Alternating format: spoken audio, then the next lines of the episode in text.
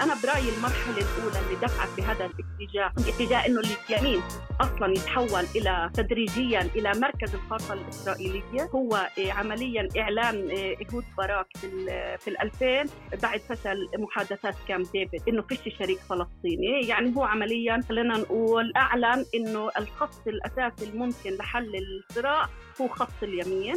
بس هل بالفعل حسيتوا إنه إسرائيل رايحة باتجاه إنه ممكن تقوم دولة فلسطينية. ولا مرة. إسرائيل في كثير آه، خطط سلام طرحت واللي تحدثت عن حل الدولتين حكم ذاتي للفلسطينيين بكامب ديفيد مع مصر. ولا مرة كان في خطة سلام إسرائيلية. الإسرائيليين ما طرحوا خطة سلام أبدا. ولا بواردها. أنا كمان بفكر أنه ما فيش قائد أو قيادة إسرائيلي يريد توصل لحل مع الفلسطينيين. سلام معكم طارق طه وعبد أبو شحادي في حلقة جديدة من بودكاست الأسبوع في عرب 48 مرحبا يا عبد. هلا طارق يعطيك العافية. آه للأسف صباح اليوم الأربعاء في يوم تسجيل الحلقة يعني إحنا شفنا قوات الاحتلال كما كل يوم بالتقريب آه اقتحمت جنين المدينة ومخيم جنين وفتحت جريمة أخرى من جرائم الحرب اللي بترتكبها وإلى آه، لحظة تسجيل الحلقة صار في عنا أربع شهداء اليوم الصبح وعلى الأقل خمسين إصابة برصاص قناصة الاحتلال. الضفة عم بتواجه آه، حملة دموية. بصراحة طارق يعني من فترة طويلة يعني حتى من قبل استشهاد شيرين أبو عاقلة في مخيم جنين الحكومة الأخيرة ماخذة قرار واضح لتصفية آه، شخصيات معينة. بالمخيمات أو بالمدن في مناطق السبعة وستين والإشي بس نزل يزيد سوء. صحيح وهو هذا كله بيجيبنا على سياق آه، الحديث السياسي تبع كل الأحزاب الإسرائيلية والكنيسة الإسرائيلية إنه أصلا كل خطوط يعني الفوارق ما بين المعسكرات السياسية الإسرائيلية والأحزاب السياسية الإسرائيلية هي تجمع صهيونيا على إنه بالضفة الغربية الناس اللي عايشة تحت الاحتلال اللي حقها تقاوم في إجماع صهيوني إنه ضروري تعمل ضدهم عملية عسكرية اللي تصفيهم وتصفي إنه تصفي حكيت عن إنه إسرائيل ماخذة قرار بتصفية شخصيات هي بالتالي مؤخرا عم نشوفها عم بتواجه شباب صغار مقاومين اللي هن ولدوا بسنوات الانتفاضة الثانية وبذكرى الانتفاضة الثانية اللي هي انتفاضة القدس والأقصى. اليوم كمان مرة إسرائيل اقتحمت مخيم جنين آه، مثل المجازر ومثل الانتهاكات والجرائم اللي ارتكبتها مخيم جنين في آه، آه، في في حينه في سنة 2000 في وقت الانتفاضة الثانية. واليوم بتعيد نفس المشاهد. تعرف طارق إيش مؤسف بهذا النقاش؟ نحن صرنا نتحرك بس إذا في استشهاد. بس على مدار السنة أو السنين الأخيرة. كل يوم اعتقالات. يوميا اعتقالات اعتداء على آه، أصحاب أراضي في مناطق سي جيم آه، اعتداء على الاسرى شوف شوف ملف الاسرى قديش وقت له بالعناوين. صحيح. من خضر عدنان يعني من سنين انت بتسمع مم. على إضراب عن الطعام حكم إداري اللي بيمد من ثلاث أشهر لسنين.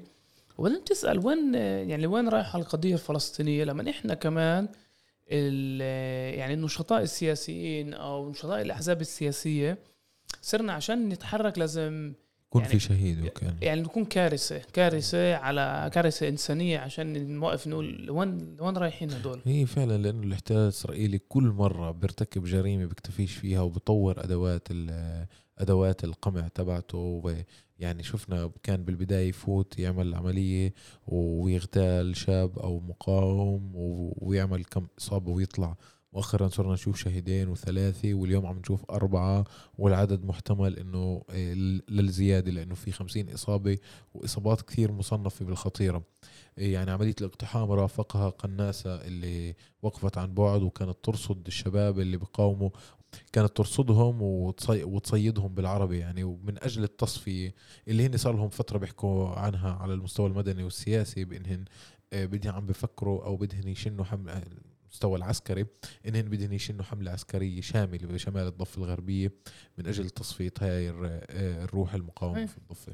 تعرف هلا كمان بما ان على أثر الانتخابات في جملة صرنا يعني مرة ناس كانت تستحي تحكيها بس آه، يعني اليمين الإسرائيلي بلش فيها وكمان صرنا نشوف ناس من جماعتنا بتحكيها وفي كمان قيادات سياسية صارت مقتنعة فيها. اللي بتقول إنه ليش إيش ليش الأعضاء الكنيسة العرب بيحكوا عن الاحتلال؟ تعرف يعني يعني يعني رح نحكي أكثر عن الأحزاب وعن الانتخابات بس باليوم القيادات السياسية في الداخل بتبطل تحكي على الاحتلال بتبطل تحكي على الاقصى وبتبطل تحكي على غزة. حتى وفرض هذا الخطاب السياسي في الحيز العام تعرف ليش بنتحول؟ لاحزاب إسرائيلية. صحيح ما هو يعني عزمي بشارة الدكتور عزمي بشارة المؤسس لحزب التجمع الوطني الديمقراطي لما كان يحكي بخطاباته أمام الناس بأنه بعايرونا إنه بتحكوا بالقضية الفلسطينية. اولا يعني إنه إحنا بنحكي على القضية الفلسطينية اولا لأنه إحنا جزء منها. اثنين مش إحنا اللي بنشتغل بالقضية الفلسطينية فعلا يعني. القضية الفلسطينية الاحتلال الإسرائيلي يوم يوم بيشتغل على تهويدها ويوم يوم بيشتغل على إسكاتها وعلى إماتتها وعلى اغتيال مقاومينها وعلى اغتيال هويتها الفلسطينية لك هويتنا كشعب. هو اللي عم بيشتغل كل يوم بوسع استيطان وبهدم بيوت وبقتل شباب وبعتقل شباب. طب ما هو كل يعني أجندة عمل الدولة دولة الاحتلال هو القضية الفلسطينية وإحنا إحنا شعب فلسطيني. بالتالي إذا بدناش نحكي عن القضية الفلسطينية يعني لا يمكن أن تفصل اليوم يوم تبعك. عن قضيتك الفلسطينية الوطنية. طيب عبد إحنا بهاي الحلقة راح يكون في عنا آه، محورين أساسيين. كانت مقدمة طويلة بس مهمة.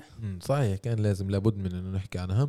في عنا محورين المحور راح يكون آه، مع الباحثة والكاتبة دكتور آه، هنيدة غانم. لنحكي معها عن بالضبط عن الأحزاب الإسرائيلية اللي خطوط الفوارق ما بينها تلاشت وأصبح ما في نقاط امتياز حزب عن آخر بما إنه في إجماع صهيوني على عدة آه، قضايا. وراح نحكي عن هاي الأحزاب بسياق الانتخابات انتخابات كنيسة ال 25 المقبلة علينا. والحوار الثاني راح يكون مع الكاتب والصحفي الأستاذ بلال ظاهر صحفي في موقع عرب 48 بدنا نحكي معاه ونسمع رأيه وتحليله عن آه، موقف رئيس الحكومة الإسرائيلي الحالي إير لابيد بخصوص الخطاب اللي ألقاه أمام الأمم المتحدة اللي فيه طرح آه، حل الدولتين طرح بين ازدواج بنحطها طرح حل الدولتين آه، من جديد على مسمع قيادة الأمم المتحدة وبدنا نسمع منه أكثر ونسمع شو رأيه وكيف بشوف هذا التصريح.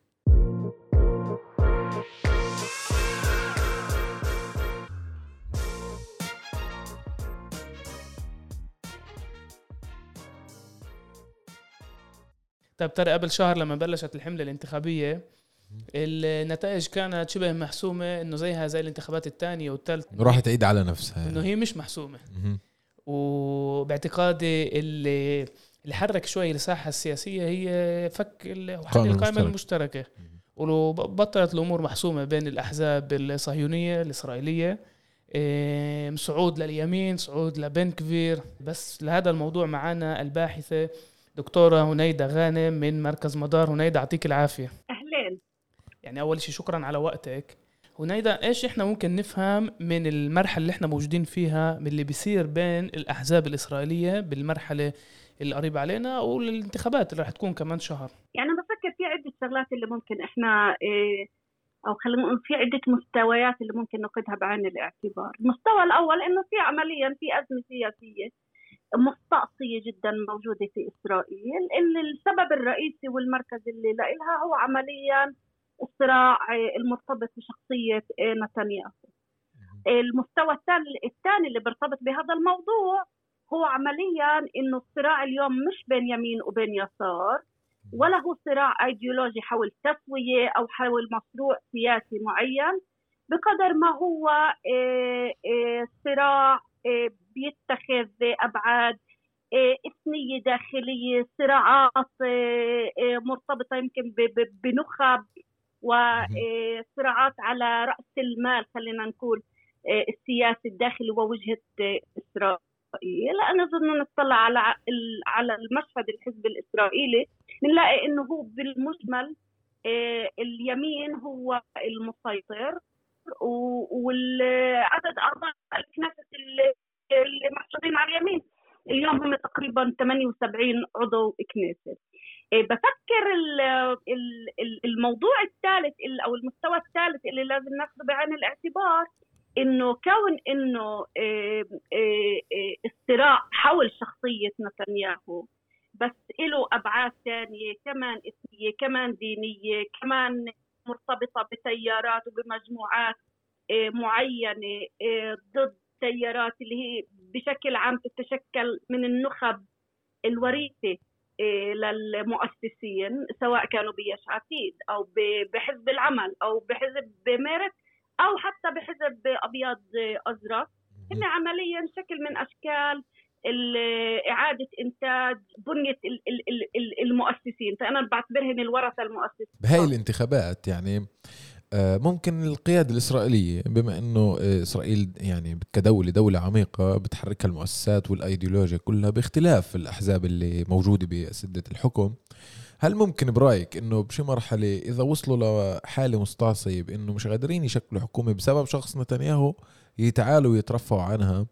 آه وبمعنى إنه خلص يشكلوا حكومة آه آه وحدة وطنية ونتنياهو ما يكونش جزء من. هلأ خلينا نقول بتعلق كنت بالمستوى الثالث اللي بدي أحكي عنه اللي هو عمليا إنه هاي التحزبات والأشكال أدت إلى إنه إيه، إيه، أول شيء تصعيد قوة اليمين المتطرف تأهيل إيه، تيارات اللي هي بأقصى اليمين اللي مثل بن كبير وإلى آخره ودخولها إلى الحيز السياسي. أنا بفكر وأنا بعتقد بس هذا طبعا الأمور صعب الواحد مش بنقراش بالفنجان هون إنه في حال استمرار استعطاء الأزمة إيه، ومن أجل وحتى إيه، لو كان نتنياهو بيقدر يوصل ل 61 عضو كنيسة مع بن كبير بفكر إنه ممكن جدا إنه تقام مش حكومة وحدة بمفهوم حكومة وحدة اللي هي يش عتيد ونتنياهو إنما ممكن جدا إنه يقام شيء نوع من الشراكة إيه، والتحالف مع حزب أبيض أزرق. حتى لو إنه صار موجود في داخل هذا الحزب. هذا بيجي تحت مظلة أنه إنقاذ إسرائيل من من دمار ومن صراعات داخلية مستعصية بفكر هذا هذا ممكن جدا. وممكن كمان على الطرف الثاني بالمناسبة إنه تتشكل حكومة اللي يكونوا الحريدين شركاء فيها التوصل إلى صيغة معينة يكونوا الحريدين شاركين فيها. هاي بالجهتين آه، آه، ممكن تكون كمان كمحاولة إنه إحنا ما بدنا يكون في عندنا حكومة اللي فيها حزب أقصى يميني مثل حزب بن جفير والشيء مهم لإسرائيل على الأقل من ناحية أو لجزء من الموجودين في في في الحقل السياسي على الأقل من ناحية دولية ومكانة إسرائيل الدولية والمخاوف اللي بترتبط بكل محكمة الجنايات والعمل على إيه، إيه، التحقيق في في كل القضايا المرتبطة بالأبارتهايد وإلى غيره أو الاتهامات اللي بتتهم اسرائيل بالأبارتهايد. فالقصة كثير مشبكة في عدة مستويات اللي بفكر إنه رح تأثر كثير على تشكيل الحكومة المقبلة. تعرفي هنيدا يعني أنت ذكرتي كمان النخب السياسية وذكرتي كمان الإشكالية مع شخصية نتنياهو. هلا بشكل موضوعي اللي بده يحلل المجتمع الإسرائيلي وبده يحلل الوضع الوضع المجتمع الدولة كدولة والحالة الاقتصادية. ممكن نقول بكل ثقة إنه وضع إسرائيل اقتصاديا جيد جدا لدرجة إنه فيش يعني فيش صوت آه، طب في اللي يجي يقول إنه سياسات النيوليبرالية الموجودة بإسرائيل آه، جابت معها نتائج سلبية. وممكن حتى نيجي نقول يعني أو نسأل هل في نخب سياسية جديدة من الشرقيين اليهود من اللي كانوا من المستضعفين بالستينات والسبعينات ولكن وضعهم يتحسن من اللي مستفيدين من الحزب الليكود؟ يعني حتى على الصعيد الشخصي إذا بنحلل الليكود وبنحلل الناس الشخصيات الموجودة فيه إيه، من الشرقيين أو من اليهود العرب ممكن نقول كمان وضعهم يتحسن بسبب نتنياهو واليوم كمان بيحاولوا ينافسوا. الشريحة اللي انت سميتيهم المؤسسين على قيادة الدولة؟ هلا كمان كمان هون القصة إيه، في شيء كثير مثير جدا مثير. اولا إذا أنت بدك في نوع نمط من التصويت الإثني طبقي. إيه، كل ما زاد مستوى الحياة وكنت أنت عمليا من بسموه هذا العنقود الأعلى أنت تصويتك هو بيذهب أكثر لاتجاه إيه خلينا نقول الورث احزاب أحزاب الورث المؤسسين اللي هي الوسط ويسارها. وكل ما كان الشيء الانترستنج أنت من عناقيد إيه اجتماعية اقتصادية أقل واللي هن عادة اللي موجودين في مدن تطوير في مناطق في مناطق خلينا نقول آه، آه، الجنوب المناطق اليهودية الزاروت وكلياتها بزيد التصويت لنتنياهو ولليمين. والشيء الأكثر مثير إنه الأب الروحي لكل السياسة النيوليبرالية اللي أضرت في مصالح هاي الجماعات هو بنيامين نتنياهو. لما كان وزير المالية ولما اقتطع من المخصصات اللي مخصصة للعائلات الفقيرة. وهذا الإشي اللي بصير إنه عمليا اليمين واليمين الشعبوي آه، بيستغل أو بعيد آه، آه، تصدير الأزمات مش كأزمة اقتصادية ولا كأزمة يعني يعني ما بيتم تحميل الوضع لبنيامين نتنياهو إنما بيتم تحوير كل النقاش لإنه آه، آه، باعتبار إنه في هناك مسببات أخرى مرتبطة بالمؤسسة وبالدولة وبالاشكناز وبالنخب آه، القديمة من أجل خلينا نقول استمرار السيطرة. فبصير يعني يتحول الإحباط بيتم تحويل الإحباط كلياته من الوضع الاقتصادي لإحباط اجتماعي غاضب على النخب آه، آه، المؤسس اللي كان اسرائيل، الشيء كمان مثير إنه إذا بدك تطلع مثلا على آه، أحزاب مثلا حزب العمل اللي هو كان الأب الروحي لكل السياسات اللي كانت خلينا نقول المجحفه بحق الشرقيين. تحول تدريجيا من حزب اللي هو حزب الهيمنة والسيطرة لحزب اللي مرتين أو ثلاث مرات بعتقد كان تحت قياده قيادة شرقية. إيه، إيه، الزعماء كانوا شرقيين. الخطاب اللي له خطاب أكثر اجتماعي أكثر بحاول يكون باتجاه اليسار يتحدث إيه، الاحتياجات هاي بس اللي بصوتوا له هم اللي بصوتوا له اللي بتل أبيب اللي موجودين في العناقيد الأولى. الأعلى. كل ما بتروح على منطقة مناطق الوسط تل أبيب هرسلية كفر سابا اللي هي أكثر فيها الأشكناز من الطبقة الوسطى. هذول بصوتوا بصوتوا للبيد بصوتوا لجانس بصوتوا لحزب العمل شوي. بس على الأماكن اللي أكثر فقرا وأكثر احتياجا طبعا بيروح بصوتوا لليمين. ناهيك إنه طبعا في تصويت اللي هو السكتوريالي على الآخر بالنسبة لكل المصوت للحريم في هناك تصويت للتيار الحريدي الاشكنازي من قبل الحريديم الاشكناز وللتيار شاذ من قبل الشرقيين وجزء من الشرقيين المحافظين خلينا شفنا تصريح يعني لبيد بالأمم المتحدة و يعني التصريح الصوري اللي ممكن نسميه بأنه داعم لحل الدولتين وبالتزامن طلع تقارير كمان تقارير على الإسرائيلية وكمان تقارير على المستوى الدولي إنه العرب واليهود يعني هن يشكلون أغلبية برفضهم أو معارضتهم أصلا لحل الدولتين. بين العرب واليهود الفلسطينيين والإسرائيليين. إيه، في ظل يعني إحنا نسميناها إنه وفاة حل الدولتين على الأقل أنا هيك بشوف. إيه، آه. فمحاولة إحياء شيء ميت وهو بالضرورة فقط من أجل التصريح وليس فقط من يعني ليس من أجل التبني آه، على الأقل من ناحية لبيد يعني شو ممكن يفيدوا آه، آه، الكتورالت انتخابيا؟ هلا خلي خلينا كمان كمان هون بحاجة يمكن إنه إحنا نميز بين بين شغلتين. حل الدولتين هو ميت من ناحية إسرائيلية لأنه هي تحاول أن تميت وتقتل أوكي؟ صحيح. بمعنى إنه تقلب كل الواقع على الأرض بحيث إنه تيجي بكرة للمجتمع الدولي تقول لهم شوفوا قديش هم مستوطنين طب شو بدي أعمل فيهم بس هو مش ميت من ناحية نظرية لأنه دائما أنت لو إنه حطيت أكثرية يهودية في كل الضفة الغربية وقلبت كل التشكيل الديموغرافي دائما أنت بتقدر لو في قوة ولو في ضغط ولو في إرادة إنك تغير هذا الواقع لأنه هو فرض بالقوة وهي الأرض محتلة. ففكرة إنه حل الدولتين ميت ما ما ما ما بنطلع عليه من منظور إنه إسرائيل انتصرت آه؟ لأنه إذا بدنا نحكي عنه بهذا المعنى هو معناته إنه إسرائيل انتصرت وقدرت تعمل إيش بدها.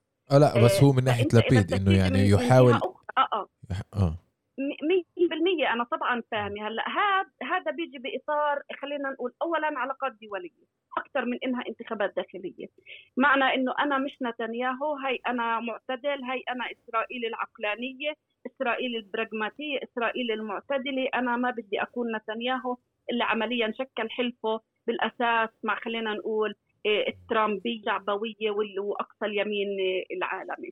فهي نوع من من التسويق لبيد عالميا أكثر من إنه أنا بعتقد تسويق لبيد داخليا. ولبيد لا لا لا هو مقتنع بحل الدولتين ولا هو أو مقتنع بحل الدولتين بصيغة اللي هي أقل ما يقال عنها إنه هي إعادة يمكن تحسين شوي الوضع اللي موجود باعتبار إنه هذا حل الدولتين لأنه ولا مرة قالنا شو بقصد بحل الدولتين لما هو مثلا شخصي نفسه إنه بال 2014 المحل الأفضل لافتتاح آه، آه، معركته الانتخابيه من جامعة اريال إيه لما هو إيه ابنه بدرس بجامعة اريال لما هو بيعتبر إنه إيه هذا جمهوره من هناك بتفتح المعركة الانتخابية. فعمليا فكرة حل الدولتين هي جزء من تسويق لبيد دولي أكثر من إنه محلي. ومسعى إنه يمكن بهاي الصورة بيقدر يقيم مثلا ممكن تحالفات معينة إيه، لاحقا من أجل التوصية إيه، إلى آخره في حال في حال صار. ذكرت الصعود اليمين الشعبوي و... آه. وباعتقادي يعني مفاجأة الانتخابات رح تكون حزب بنكفير وسموتريتش طبعا من الجانب الإسرائيلي. واليوم كل استطلاعات الرأي بيحكوا على 13 مقعد بين 10 ل 13 مقعد.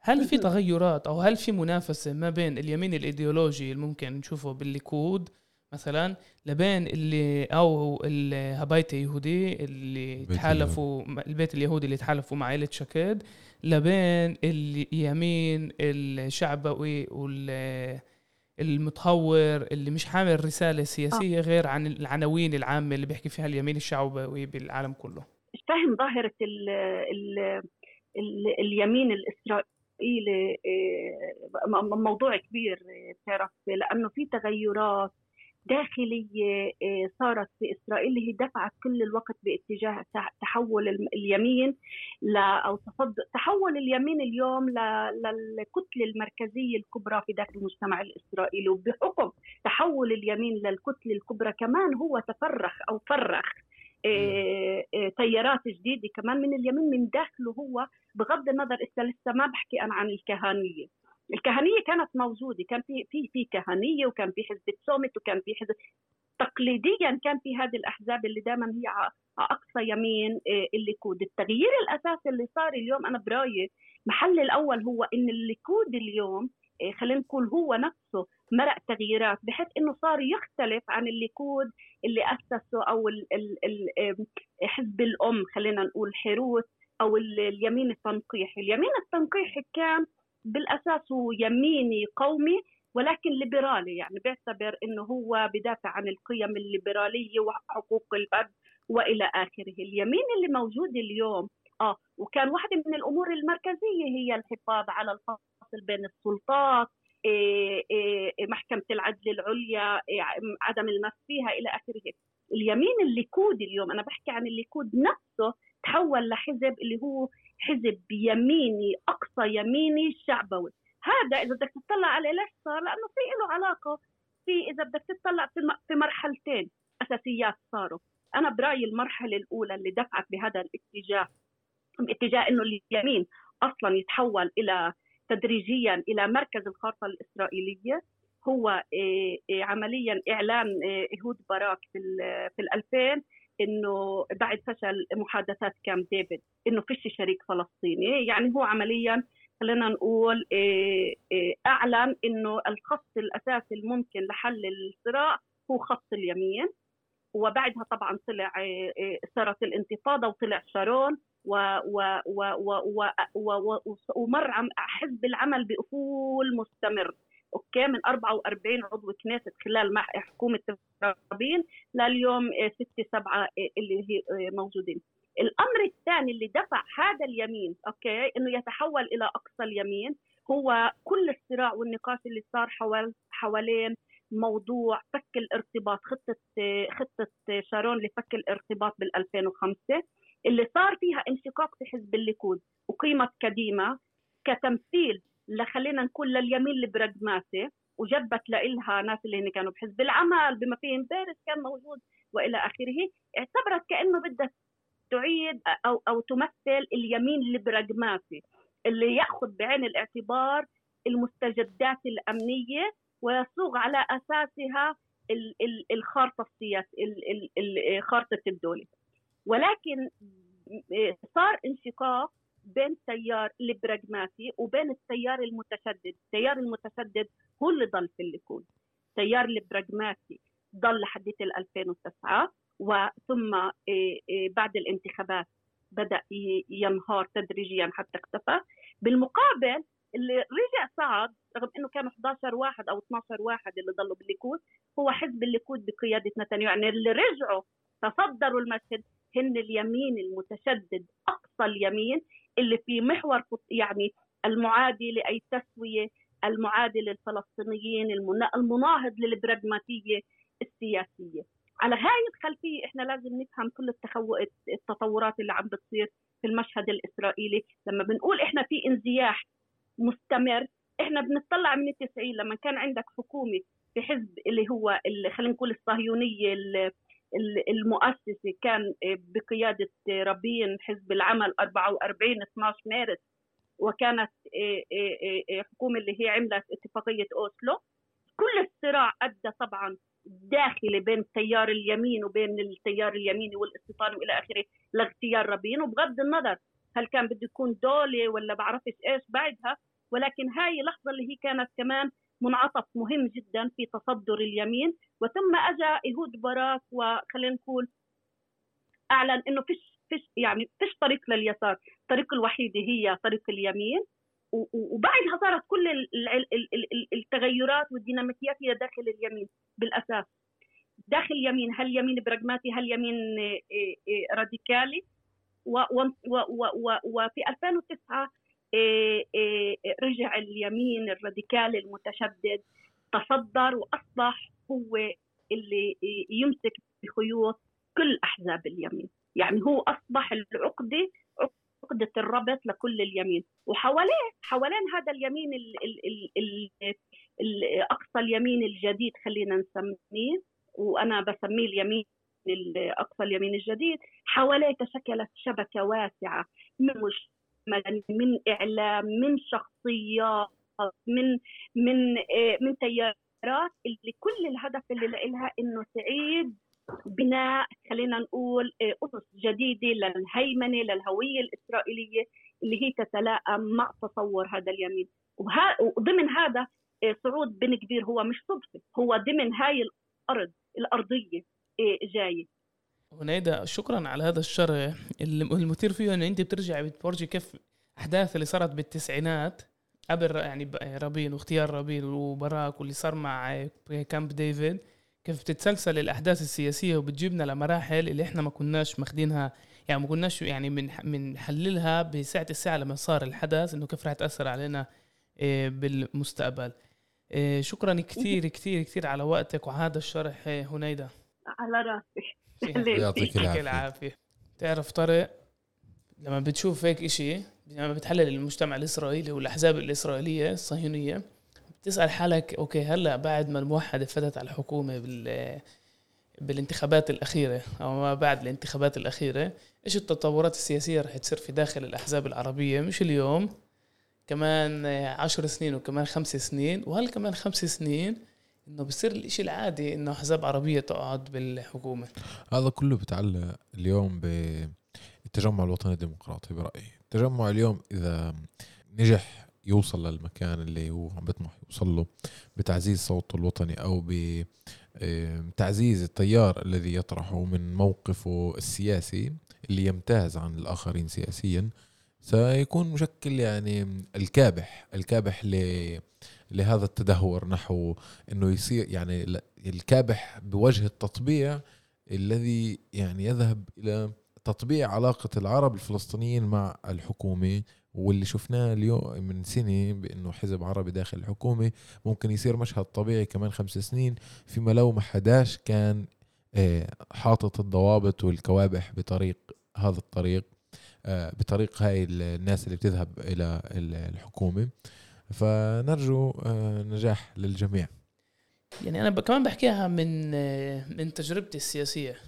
يعني مرات الميزانيات والخطط هاي اللي بيحكوا فيها حتى لو موجودة وحتى لو حقيقية حتى لو في منه مش شرط تساعد. مش شرط تحل لك مشاكل. يعني بيحكوا لك على الخطة الخماسية لحل الجريمة بالمجتمع العربي. حتى لو طبقوها حتى لو في ميزانيات للخطة. بضمن لقاء شيء تعرف شغلة كمان شغلة عبد ميزانيات ميزانيات أكثر يقول إنه جريمة أكثر. أنا برأيي يعني بعد كل ثقافة آه الميزانيات وضخ خطة 9 2 2 دخلت الجريمة المنظمة لل... على السلطات المحلية. آه. فإحنا يعني أصلا فكرة إنك أنت تعزز مواردك الثقافية والاقتصادية والسياسية بسلطاتك المحلية بأكثر من أكثر من مصادر مال يعني أكثر تدخل للجريمة المنظمة بهاي السلطات وأكثر نزاع على الاستفراد بالسلطة. وبصير في طموح لهي المنظمات إنها تدخل على آه، مجال على مجال السلطات المحلية وتبتز اللي آه، جالسين فيها هاي المؤسسات. لكن كمان شغلة بدي اضيفها عبد إن كل فكرة ثقافة المال السياسي يعني هي تخرب العمل السياسي. شو يعني لما نقول تخرب العمل السياسي؟ برأيي أنت لما بتذهب بتكون واثق إنك أنت عم بتواجه دولة يهودية بغض النظر من يقف على رأسها دولة يهودية لا تعتبرك جزء منها وحكوم وحكومتها حتى لو كنت جزء منها. أنت بالضرورة مش بالمعادلة الإجماع الصهيوني حتى لو كنت موالي لإلها. أنت تستعمل كورقة. انت تكون انت بتكون حدا اللي هو فقط من أجل أن يكمل عدد معين في النصاب الدستوري أو في في التصويت على إكس وواي زد من القرارات. لكن انت فكرة التأثير على التأثير يعني كما يطرح اليوم هي يعني ساذجة أو بالضرورة غير لا تحاكي الواقع. بس بس في أول في في تأثير انت بتكون شو يعني جزء منه مش كل تأثير يعني شرط تأثير إيجابي. اثنين وهي امل جمال حكاها عندي بالبودكاست الميدان. يعني بتعرف تسأل حالك أنت ليه بتشارك بالعمل السياسي. هل بتشارك بس عشان تجيب ميزانيات؟ ولا في معنى تعرف حقيقي لتغيير جوهر الدولة لتغيير السياسات؟ إذا فيش تغيير سياسات فبتصفي يعني زيك زي أي بيروقراط إنه جبت ميزانية لشي فريق فوتبول وجبت ميزانية لشي إيه، شارع بس مش هذا دورك مش 100% أصلا يعني بما إنه عم نحكي وفي كمان ملاحظة بحب أحكيها. إحنا عم نحكي على ميزانيات يعني إذا حطيت ملياردات عشان توقف آه، الأكثر شيء على أجندة المجتمع الفلسطيني بالداخل محطوط هو العنف والجريمة. طيب العنف والجريمة إذا بدك تاصل له بدك ترجع له كيف أنت بتربطه مع قرار سياسي؟ بتربطه من إنه والله إذا في جار وجاره اختلفوا على على متر أرض أو على شارع أو على كذا. هذا يعني بيجي بسبب قرار سياسي. ليش؟ لأنه في خنق في أراضي غير لا تتسع البلدات لا تتسع الناس مكتظة. آه، طبعا الناس بدها تصير تتفشش ببعضها وتصير متضايقة مش عارفه تتحرك ما في عندها خصوصيات. لما الناس لما أنت كفلسطيني بالداخل بس 2% من كل الأشراء أو ما يسمى المال اللي يمكن اقتراضه يعني من البنوك فقط 2% العرب باخذوه طب لما أنا نسبتي 20% من الدولة بدي ألجأ للبنك وبيعطينيش لأنه أصلا أنا محدود الهامش تبعي هناك فبدي ألجأ للسوق الأسود بدي أخذ مصاري هناك بقدرش أرجع المصاري. طبعا بدي أفوت بالجريمة. يعني كلها بقرارات سياسية إنه انت أنت آه، نسبتك كثير قليلة بالأموال اللي بتقدر تقترضها من البنك وكمان إنه البلدات العربية لا تتوسع. يعني ما في البلدات عم تكتظ الناس عم تكثر البلدات عم تصغر. أكيد في جريمة. ها قرار سياسي كله. صحيح. فبجوز يعني بس بدي أكمل اللي حكيته أنت إنه غياب مثلا تخطيط مدينة عربية أو تخطيط هيكل زي ما لازم للبلدان العربية ببني ببني لك ظواهر اجتماعية زي الجريمة اللي بطل بينفع تحلها بأدوات الحل يعني عصابات جريمة. خلص يعني إنه في عندك الأرضية الخصبة إنه حليت هاي هاي المؤسسة آه، جريمة يعني تابعة ل X أو Y رح تطلع لك واحدة جديدة. بس أول ما تحل أول واحدة وتحبس الموجودين فيها رح يطلعوا لك ناس جديدة. طب طولنا إحنا. يعطيك العافية طريق.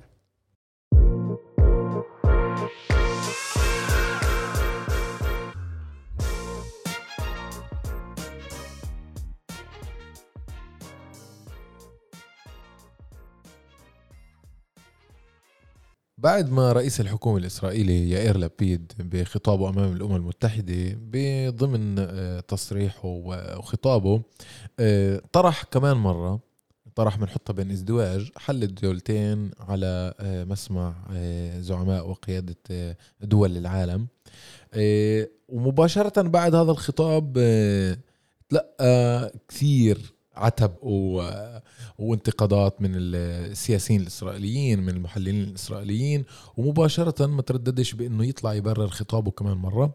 ويحكي على إنه آه، هي أصلا هاي إذا في هيك إمكانية لحل ربما أبناء أحفادنا يعني فهو مباشرة استبعد هذا الحل. فإحنا ممكن نستنتج إنه آه، رئيس الحكومة طرح الموضوع بس من أجل الطرح. بس بدنا نفهم أكثر عن هالموضوع ونسمع إيه، شو رأي الصحفي والكاتب الزميل في موقع عرب 48 إيه، الأستاذ بلال ظاهر معنا. راح يكون هون. يعطيك العافية أستاذ بلال. اهلين يزيدك عافيه بلال هيك أنت سمعت شو أنا حكيت بالبداية. آه. وبدنا نسمع منك أنت شو رأيك هلا بيد؟ يعني طلع يعمل استعراض وحاول مين يكسب خطابه يعني هو بالأساس؟ إيه هاي مش المرة الأولى اللي بيحكي لبيد عن حل الدولتين. هو بيقول دائما إنه يؤيد حل الدولتين.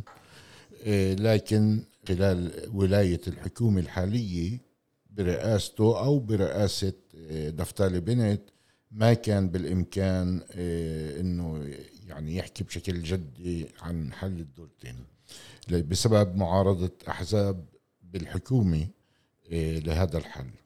الآن آه، حديثه عن حل الدولتين آه، في الأمم المتحدة الأسبوع الماضي هو حديث في الواقع هو حديث بلا رصيد ما له رصيد.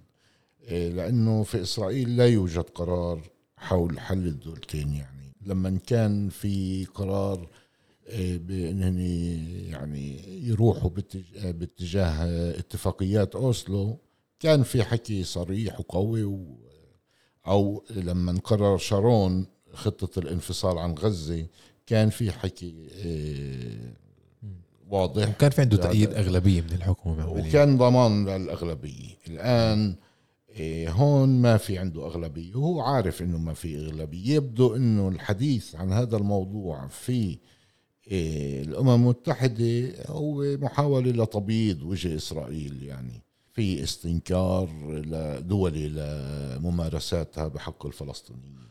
لكن أكيد لا, لا يوجد رصيد لهذا الكلام. إيه، عدا عن ذلك بعد أيام قليلة جدا من تصريحاته بالأمم المتحدة حول حل الدولتين هو نفى إمكانية هذا الحل في مقابلات أجرتها معه الصحف الإسرائيلية ونشرتها يوم الأحد الماضي. اللي قال فيها إنه هذا الحل لسه غير قابل للتنفيذ أو للتطبيق وإنه ممكن أحفادنا أو أبناء أحفادنا يعني يوصلوا لحل عن كهذا. هو أصلا يعني كمان إحنا بنقدر نستنتج من خطابه. يعني لما بيطلع بعدين بيحكي إنه بلقي الذنب واللوم على القيادة الفلسطينية أو على الرئيس الفلسطيني محمود عباس. فيعني من يعني يعني ضربة على المسمار وضربة على الحافر زي ما نقدر نسميها آه هو يعني مش ضربة هون وضربة هون هو بضل يضرب على عند الفلسطينيين. إيه يعني هو بالمقابلات يوم اللي صدرت يوم الأحد الماضي هو هو قال أول شيء تطرق لأنه ما هو ما برفض يحكي مع الرئيس الفلسطيني محمود عباس. وحكى معه مرة واحدة آه، قبل كم شهر وبالمقابلات عبر عن ندمه إنه حكى مع إنه هاتف محمود عباس. فهو يعني بالنسبة له القضية الفلسطينية مش هي الأساس يعني طبعا ولا ولا ضمن أجندته. فلذلك الحكي عن عن حل الدولتين ما له أي رصيد لا عند لبيد شخصيا ولا بإسرائيل عامة يعني. ما فيش قرار أصلا. يعني منذ 67 العام 67 والاحتلال ما كان في بإسرائيل تفكير جدي بإنهاء الاحتلال و التوصل لسلام مع الفلسطينيين ولا حتى في أوسلو طبعا يعني. بعد أوسلو مباشرة تضاعفت المستوطنات والاستيطان في الضفة. أنا أنا مجبور أسألك من وأنا ولد صغير بسمع أحلل دولتين. أنا يعني ما بوعى الألفينات أو التسعينات كيف كان الخطاب السياسي بهذيك بهذيك الفترة. بس هل بتوعى فترة زمنية إنه بالفعل كان في خطة أو توجه إيجابي أو حل بالافق لحل الدولتين. ولا كمان يعني هاي هاي يعني أصبحت شعار مفروغ من مضمونها اللي بيسمعوها للدول في العالم لكسب آه، تأييد دولي من الأمم المتحدة من أوروبا وكأنه إسرائيل رايحة لهذا الاتجاه. بس هل بالفعل حسيتوا إنه إسرائيل رايحة باتجاه إنه ممكن تقوم دولة فلسطينية؟ ولا مرة. إسرائيل في كتير آه، خطط سلام طرحت. واللي تحدثت عن حل الدولتين حكم ذاتي للفلسطينيين بكامب ديفيد مع مصر. ولا مرة كان في آه، خطة سلام إسرائيلية. الإسرائيليين ما طرحوا خطة سلام أبدا. ولا بواردها. آه، أنا كمان بفكر أنه ما فيش قائد أو قيادة إسرائيلي يريد توصل لحل مع الفلسطينيين. فيعني هاي كل الخطاب وكل البرامج السياسية اللي بتحكي على دولتين الشعارات مفروغة من مضمونها. وأنت ذكرت إنه كيف إسرائيل لما قررت مثلا إيه وشارون كقائد سياسي قرر ينفصل ما يسمى خطة الاتنطقوت من غزة. الانفصال. من غزة.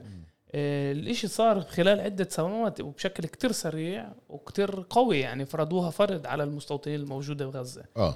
فلما في إرادة ممكن بس اللي أنت بتقول الإرادة هاي ولا مرة كانت موجودة. ولا مرة كانت موجودة بس بدي أقول ملاحظة بأنه قضية إخلاء مستوطنين من المستوطنات هي بح يعني بحال حل الدولتين طبعا بيكون في إخلاء مستوطنات يمكن مش كلها بعرف شو ممكن يتوصلوا لاتفاق لكن إخلاء مستوطنات هي تحتاج ل رجل قوي قيادي قائد إسرائيلي قوي جدا وعنده شعبية وعنده رصيده خصوصا رصيد أمني وعسكري.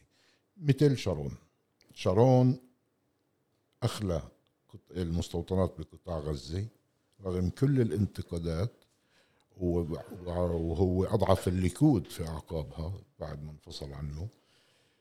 وشارون نفسه أخلى يميت بعد اتفاقية السلام مع مصر. المستوطنات في سيناء فهذا هذا دور يعني صعب تشوف اليوم قائد إسرائيلي موجود إسا اللي قادر على ينفذ هيك خطه إيه، طيب بلال هيك يعني لبيد لما طلع وصرح شو يعني من ناحية الكتراليه من ناحية انتخابية شو كان يفكر إنه ممكن يكسب؟ ما هو أصلا يعني جمهوره جمهور بنك أهدافه هو لا يريد أن يسمع ذلك حاليا لأنه بده يكسب من جمهور اليمين وبده يحاول يعزز معسكر. فشو كان بفيده؟ يعني إذا بدي يحسبها بحسابات ضيقة انتخابيا اسرائيليا. آه، أنا بظن إنه يعني بجوز الزلمة غبي.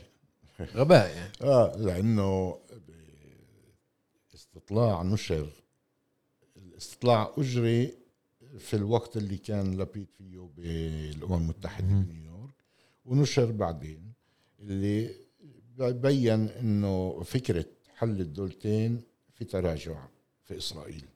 عند العرب عند العرب وعند اليهود. فهو يعني هذا بدل قديش الزلمة زي اللي جاي يعني ينافق أو يخدع أو الرأي العام العالمي. يعني بإسرائيل ما فيش آه، أغلبية بتأيد. يعني هو طلع إنه 36% من مجمل المواطنين في إسرائيل بايدوا حل الدولتين العرب في إسرائيل آه، نسبتهن أعلى بتأييد حل الدولتين لكن في تراجع كبير في تراجع حوالي 20% بنسبة تأييدهن تأييد العرب في إسرائيل لحل الدولتين, لحل الدولتين. إيه وفي تراجع مع تأييد لحل الدولتين عند ال ال ما يسمى اليسار الصهيوني واللي هو بشكل الحكومة الحالية يعني أو معظم مركبات وصدق على عدة مستوطنات بالضفة آه في الحكومة وعلى توسيع مستوطنات. يعني في قرارات يعني أنت بتقدر تستشرف آه، إمكانية موافقة إسرائيل أو سعيها لحل سياسي مع الفلسطينيين من قرارات تأخذها. اما إذا آه، في مصادقة على توسيع مستوطنات في عمليات عسكرية يومية في الضفة في اللي هي عمليا تغذية لانتفاضة ممكنة. صحيح. فهذا كله بدل على إنه ما فيش يعني بعيد عن الواقع. آه بعيد وفيش أفق سلام يعني بالنسبة لإسرائيل. قبل فترة كان عندنا عوض عبد الفتاح وبروفيسور إيلان بابي. في حلقة بودكاست الميدان عن حل الدولة واحدة مش دولتين. وطرحت عدة أسئلة لإيلان. سألته يعني هل المجتمع الإسرائيلي بالفعل جاهز لدولة واحدة أو جاهز يتنازل عن امتيازاته؟ ورد علي بجواب كتير ذكي. بقول أنا ما بيعنيني إيش المجتمع الإسرائيلي بقول بيعنيني إيش القيادات الفلسطينية صحيح. بتقول. وهنا كمان مسؤولية شخصية. يعني إذا الناس مش مأمنة بالدولتين وفيش حالة جماهيرية اللي بتدل إنه رايحين لاتجاه سلام أو حالة سياسية فصفى اللي بيأمن الوحيدين اللي مأمنين بالدولتين هاي الأجهزة الأمنية الفلسطينية. ولابد يعني كمان قيادات من السلطة الفلسطينية بس هل بالفعل رايحين لهذا الاتجاه؟ أنا اشك وأشك اليوم إذا هم كمان مأمنين إنه بالفعل في أفق لحل الدولتين. حاليا فيش أفق. يعني بالمستقبل المنظور يعني كمان مش راح يكون في أفق. تنساش إنه السلطة الفلسطينية ضعيفة جدا. ويعني ما فيش إيش يلزم إسرائيل انها تعمل معها آه، يعني أي عملية سياسية حتى مفاوضات يعني حتى لبيد بقول لك مش مستعد يقعد مع أبو مازن. مش مستعد يحكي معه. يعني أبو مازن بالأيام الأخيرة مناسبه رأس السنة العبرية اتصل مع هيرتسوغ رئيس اسرائيل مع جانس. ومع جانس وزير الأمن. اما ما استرجاش طبعا أو يحاول يتصل مع لبيد احسن ما يردش عليه. آه مش رح يرد. لأنه رافض الزلمة. ومعلن إنه رافض. الحكي على حل الدولتين الآن يعني بعيد عن الواقع مش واقعي. طيب آه، أستاذ بلال آه، شكرا جزيلا على هاي المداخلة. آه، فعلا كان لازم نحط تصريحات لبيد بسياقها يعني وإنه يعني إذا بتنجح تضحك على كم زعيم أو رئيس دولة بالعالم أمام آه، الأمم المتحدة. أو, أو رؤساء أحزاب آه، عندنا أو رؤساء أحزاب على المستوى الفلسطيني أو آه، لا بالداخل بحكي. بالداخل الفلسطيني والسلطة الفلسطينية كذلك.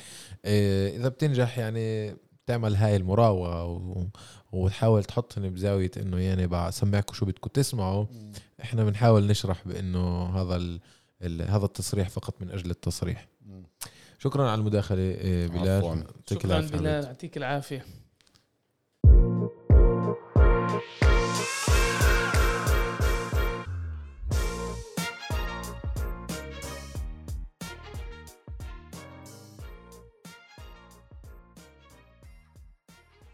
طارق يعطيك العافية. يعطيك العافية عبد. إحنا هيك بنكون وصلنا لنهاية حلقتنا. إيه في ظل ظروف متوترة فلسطينيا يعني وبتوحش الاحتلال الإسرائيلي بمناطق الضفة الغربية واغتيال الشبان وإصابتهم بالعشرات. إيه، لا يمكن أنه نكون متفائلين يعني بالعكس إحنا بنشعر آه، بحزن وأسى على شباننا الفلسطينيين اللي بيروحوا برصاص الاحتلال. لكن هذا مصير شعب يقاوم الاحتلال. ونرجو الحرية إلى شعبنا لكن لابد من طلب منكم أعزائنا المستمعين بأنه تتابعونا تعملوا لنا متابعة على منصات البودكاست المختلفة وتساعدونا أنه ننشر محتوانا وتتواصلوا معنا في حال عندكم اقتراحات لمواضيع بتحبوا نطرحها بالبودكاست. ويعطيكم العافية.